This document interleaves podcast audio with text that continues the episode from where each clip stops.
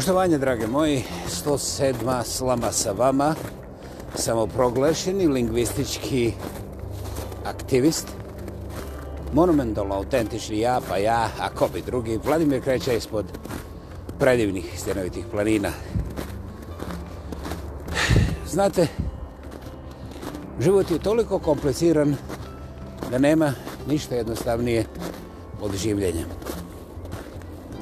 Problemi Ne samo filozofi kažu, svi pametni ljudi ne postoje, nego su nametnuti sebi samima u prostoru koji su kreirale naše iluzije, strahovi i onaj pokvareni ego koji je toliko ljepljiv da čak i ja ovako lijep, mlad, plav, nepogrešiv i skroman, što se podrazumio, ne mogu sasvim da ga satarasim. Uvijek nekako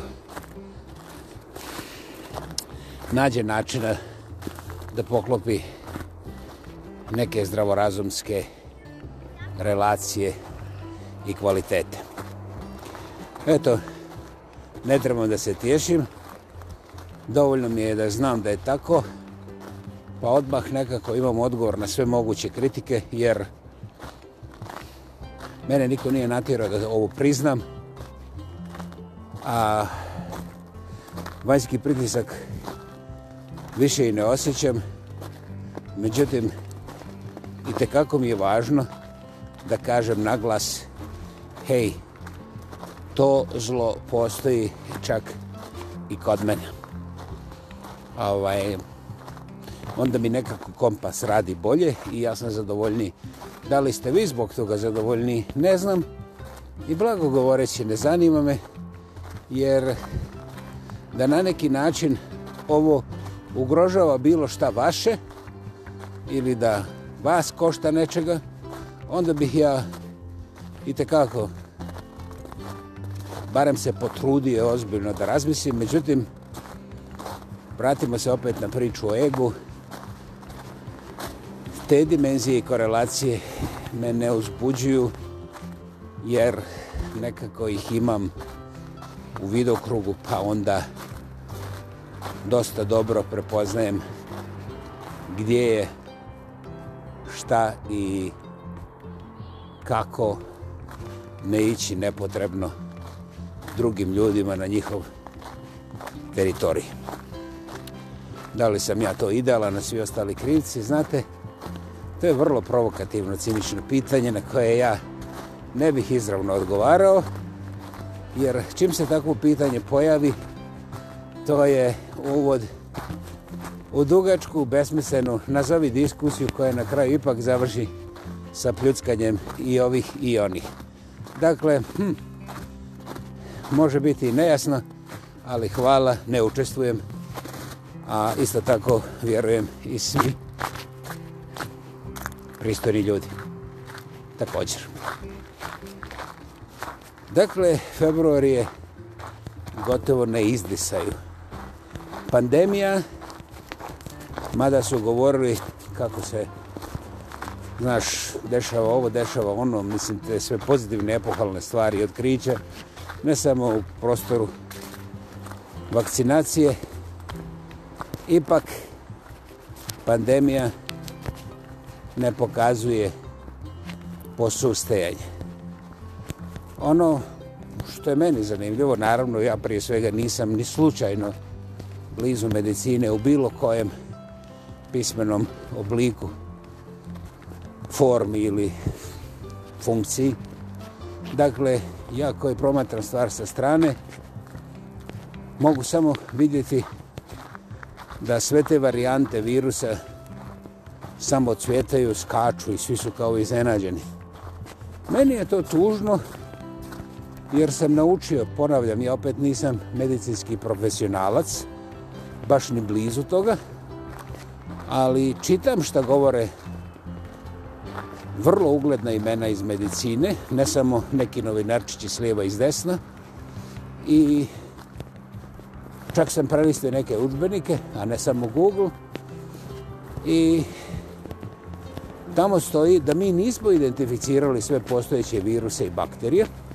Da, da, ima i neke razlike između to dvoje, ali ja nikad nisam bio ovaj, od tih koji će pidlače. Oš vik, vik virus, oćeš bakterije, za mene to nekako... Pff. Ha. Znaš, voda uzvodno, voda nizvodno, za mene to mokro. Dakle, te male nevidljive zvjerkice, virusi i bakterije, postoje e, daleko prije nego što su postali dvonožni i neki četvronožni, da ne idemo previše u detalje. Znači, Te nevidljive životinke su izuzetno, izuzetno stare, pra starije od svega što ide na dvije noge i ovaj, ima jedna sjetnica što se svi učbenici slažu i još nijedan znanstveni um nije pokušao da opovrne, nije pokušao da opovrne, namjerno ponavljam dva puta, a to je da od svoga začeća, od svoga postanka, zilionima godina ranije i virusi i bakterije imaju nekoliko sklonosti, nekoliko nazovimo karakteristika koje jednostavno su tu i ono mnoge od njih je teško predvidjeti, a sasvim sigurno jedan dobar dio njih je gotovo nemoguće kontrolirati sa onim što mi danas znamo možemo i što imamo. Dakle, jedna od tih univerzalnih karakteristika hoš virusa, hoš baterije, bakterije, pa dobro, baterije, bakterije, ista stvar, meni je to samo dva slova, mislim, nećemo u laboratoriju, svakako, je da bakterija, dobro, aj virus, čim nastane i nađe svoga hosta, znači domaćina, da li je ovca ili je ovan, ili je dvonožni ovan, ili šta je znam, izaberite. Ona počinje svoj ciklus ojačavanja, razmnožavanja i nećeš vjerovati prepoznavanja svojih vlastitih slabosti, da bi već u drugoj generaciji bila prilagođenija stvarnim okolnostima. Znači, ne onome što je ona prva generacija zamislila ili imala, nego onome što je ova druga generacija već doživjela. Drugim rječima, vrlo jednostavno, virusi ne dozvoljavaju sebi nikako spavanje. Čim primijete neku variablu u okolini, dakle, znači, mršavije ljude ili debelije ljude ili crnce ili bijelce, ili temperaturu znatno veću, znatno manju. Dakle, bez obzira koja je variabla u pitanju, virusi, a i bakterije, boga mi, odmah rade adaptaciju, prilagođavanje. Ono što ljenoguzi dvonožnjak pripisuje nekome trećem, pa onda objašnjava i žilave i neće da se mrdne, jer, he, he, bože moj, puno je ljepše da je tu, jer ima i dovoljno čipse, šta bi ja sad išao u nekakve večernje šetnje. Virus nema taj problem, virus se odmah mijenja i priprema puno otporniju varijantu svoje vlastite kopije, znači svoje sljedeće generacije. Dakle, ni jedan virus danas nije jednak onome od juče. Um, uopće ne ulazim u detalje, ne zanimaju me. Nisam biokemičar, nisam biolog, nisam seksolog, nisam lololog i neću odbijam da budem. Međutim, e, vrlo lako se možemo složiti da virus obične gripe, ove koja ubija prije korone, koja je ubijala i do 2 miliona ljudi u tim regularnim sezonama, šta god značila regularna sezona, govorim u svjetskim razmirama. Ja se sjećam da je prije korone brojka bila 1,7 miliona, na svjetskom nivou World Health, World Health Organization Statistics.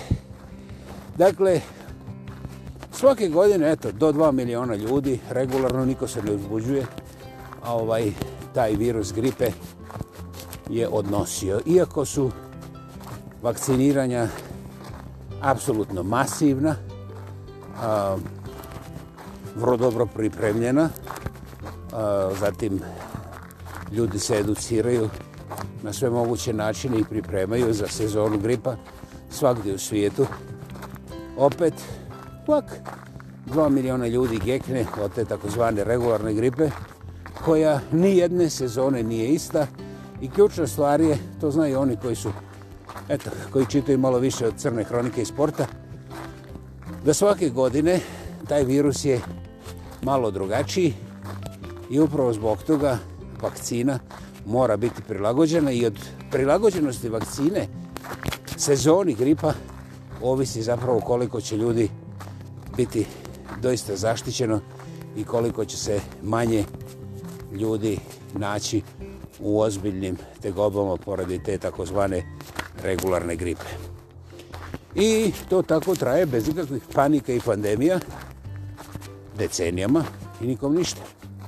Međutim, mi smo sada došli u zonu korone koja je strašno važna jer je lažna, kao neki su je podmetnuli.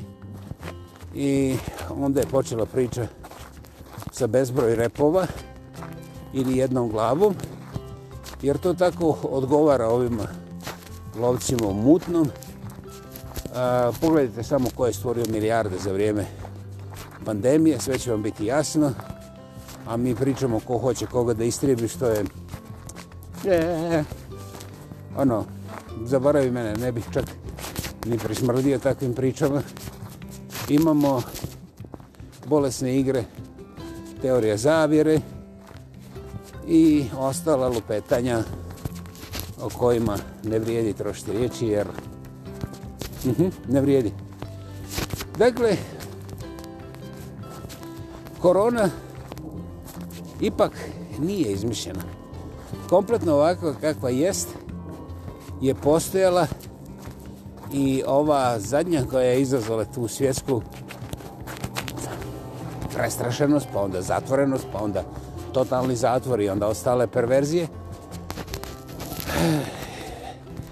Kako se god pogleda, uvijek možeš da napraviš nekog Frankenstein i da kažeš slušaj, to je izašlo iz laboratorije. Jer eh, većina ljudi ne kuži šta su sekvence DNA ili RNA. Mislim, čak i neki vrlo obrazovani ljudi, kad sam ih pitao, ono, ovaj, gledaju pa kao, šta ćeš sa tom razlikom ti uraditi? Ja kažem, no, ništa, skrpa ću sebi džep čoveče, zato te pitam. Aha, kaže, dođi sutra, ja ću to tebi. Ja kažem, dobro. Kažeš, sutra, ja kažem, okej, okay, eto, mene malo sutra, pa ću dobiti tu razliku, eto jer ono sa Google-a ne znam da pročitam do kraja. Ovaj, uglavnom, koliko god mi sekvencirali i kreirali te Frankensteine u području virusa, um, svi normalni, stabilni, uh, sa nekom ozbiljnom potkovom uh, stvarnog znanja. Jednostavno, ne mogu prešutiti da korona, SARS i sve to skupa je jedna široka familija koja je mogla mutirati i znato ranije u nešto puno opasnije nego što je ovaj virus koji imamo sada, koji izaziva sva ta, sve te zatvore, zlotvore i protvore. I ovaj hošneš, potpuno prirodna pojava, koje je vrlo lako reakcija našeg okoliša, prirode, na ono što mi radimo sa svojim ekosistemom, sa svojom okolinom, koja je zagađena na bezbrojne načine i ovaj mi smo još sretni što imamo samo ovakav virus, jer bez obzira koliko ružan, ovaj je relativno tupih zuba, i manje više ni blizu nije ubojica kakav tek stiže. Nažalost, ja ne želim nikoga plašiti, ali je činjenica da nismo ništa naučili o mutaciji virusa. Mi uglavnom učimo kako pljuckati na političke i religiozne neomiljene, jer onda kad ih ispljuckamo, onda taj virus pobigne i se preplaši zato što je otkrio odakle dolazi, pa onda mi znamo da su to samo ove nacije ili one političke struje. Ljudi, znate, ovi sa ogledalcima okolo to tema su bili nekako, ne znam, ali ću reći na glas, inteligentni. Mi imamo Google, a još uvijek ništa nismo učili nego pornografiju, kocku i teoriju zavjere. Ne da nismo odmakli, nego pićimo u rikverci, jebate miš. Uskoro se očekuje početak korištenja tomahavka iz ranog kamenog doba. A ovaj... Zanimljivo je da virus biva uništen pranjem ruku. To je otprilike koliko je taj virus izdržljiv u otvorenom svijetu i ono što meni ovako ne izgleda zdravo je da mi ljude trebamo obrazovati kako prati ruke nakon hiljada godina civilizacijskog razvoja. Um, istovremeno, ni tim istim ljudima ne govorimo ništa relevantno o aerosolima jer navodno sve te maske su dovoljno. Dakle, poprilično poprilično plitak pristup poluistinama i poluglasinama tako da ne čudi što ovaj virus ovako, evo već drugu godinu gazi. Ja ne vidim autoriteta u ovome svijetu koji bi rekao ljudi, nema problema, ruke ste morali prati prije i ovaj nastavite. A, ovaj, ono što je zanimljivo,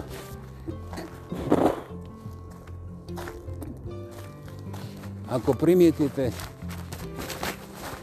da je naš imološki, imulo, imunološki sustav takozvanog modernog čovjeka prepolovljen jedenjem smeća, da, da, dobro ste čuli, znači procesuirane hrane koje je ušećerena do besvijesti, da smo mi ovisnici, da smo i prije ne pandemijski, nego psihološki, psihijatarski slučaj kao kompletna društva, kao kompletne države, kao...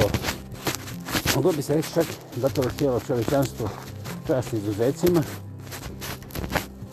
Dakle, mi imamo psihijatarski slučaj ovdje, a ne pandemiju. Jer eh,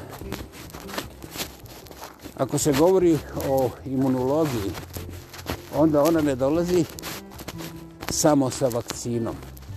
Postoji bezbroj običnih malih ljudskih aktivnosti koje neko što je ništa, a koje mijenjaju imunološki sustav čovjeka moćno i to mijenjaju ga kompletno i univerzalno, ne samo kontra jednog virusa, nego kontra svih zala, ne samo virusa, nego i drugih bolesti i deformacija koje se dešavaju jeli, na kauču uz brdo čipsa i koje litru pive, bože moj, ko bi to načuvo, sve konzumirao.